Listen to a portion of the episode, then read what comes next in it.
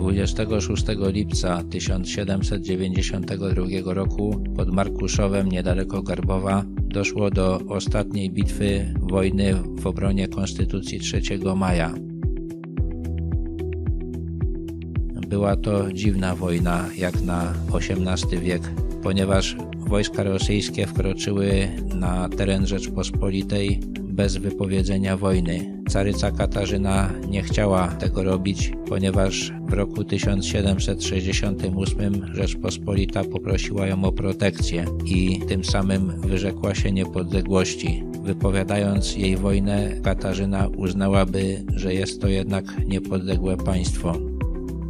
W zasadzie wojna zakończyła się 24 lipca, ponieważ tego dnia król Stanisław August Poniatowski, uznawszy, że walka musi zakończyć się klęską, nakazał kapitulację, chociaż wojska polskie nie zostały jeszcze pobite.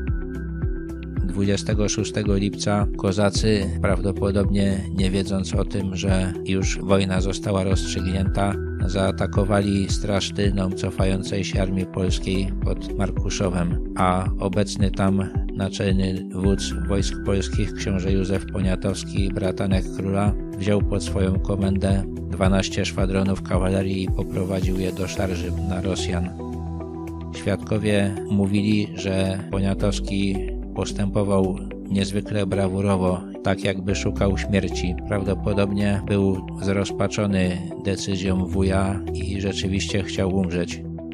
Zamiast tego jednak odniósł zwycięstwo. Rosjanie wycofali się w kierunku Garbowa. Zginęło około 20 Polaków, w tym generalny inspektor jazdy generał Janusz Stanisław Iliński.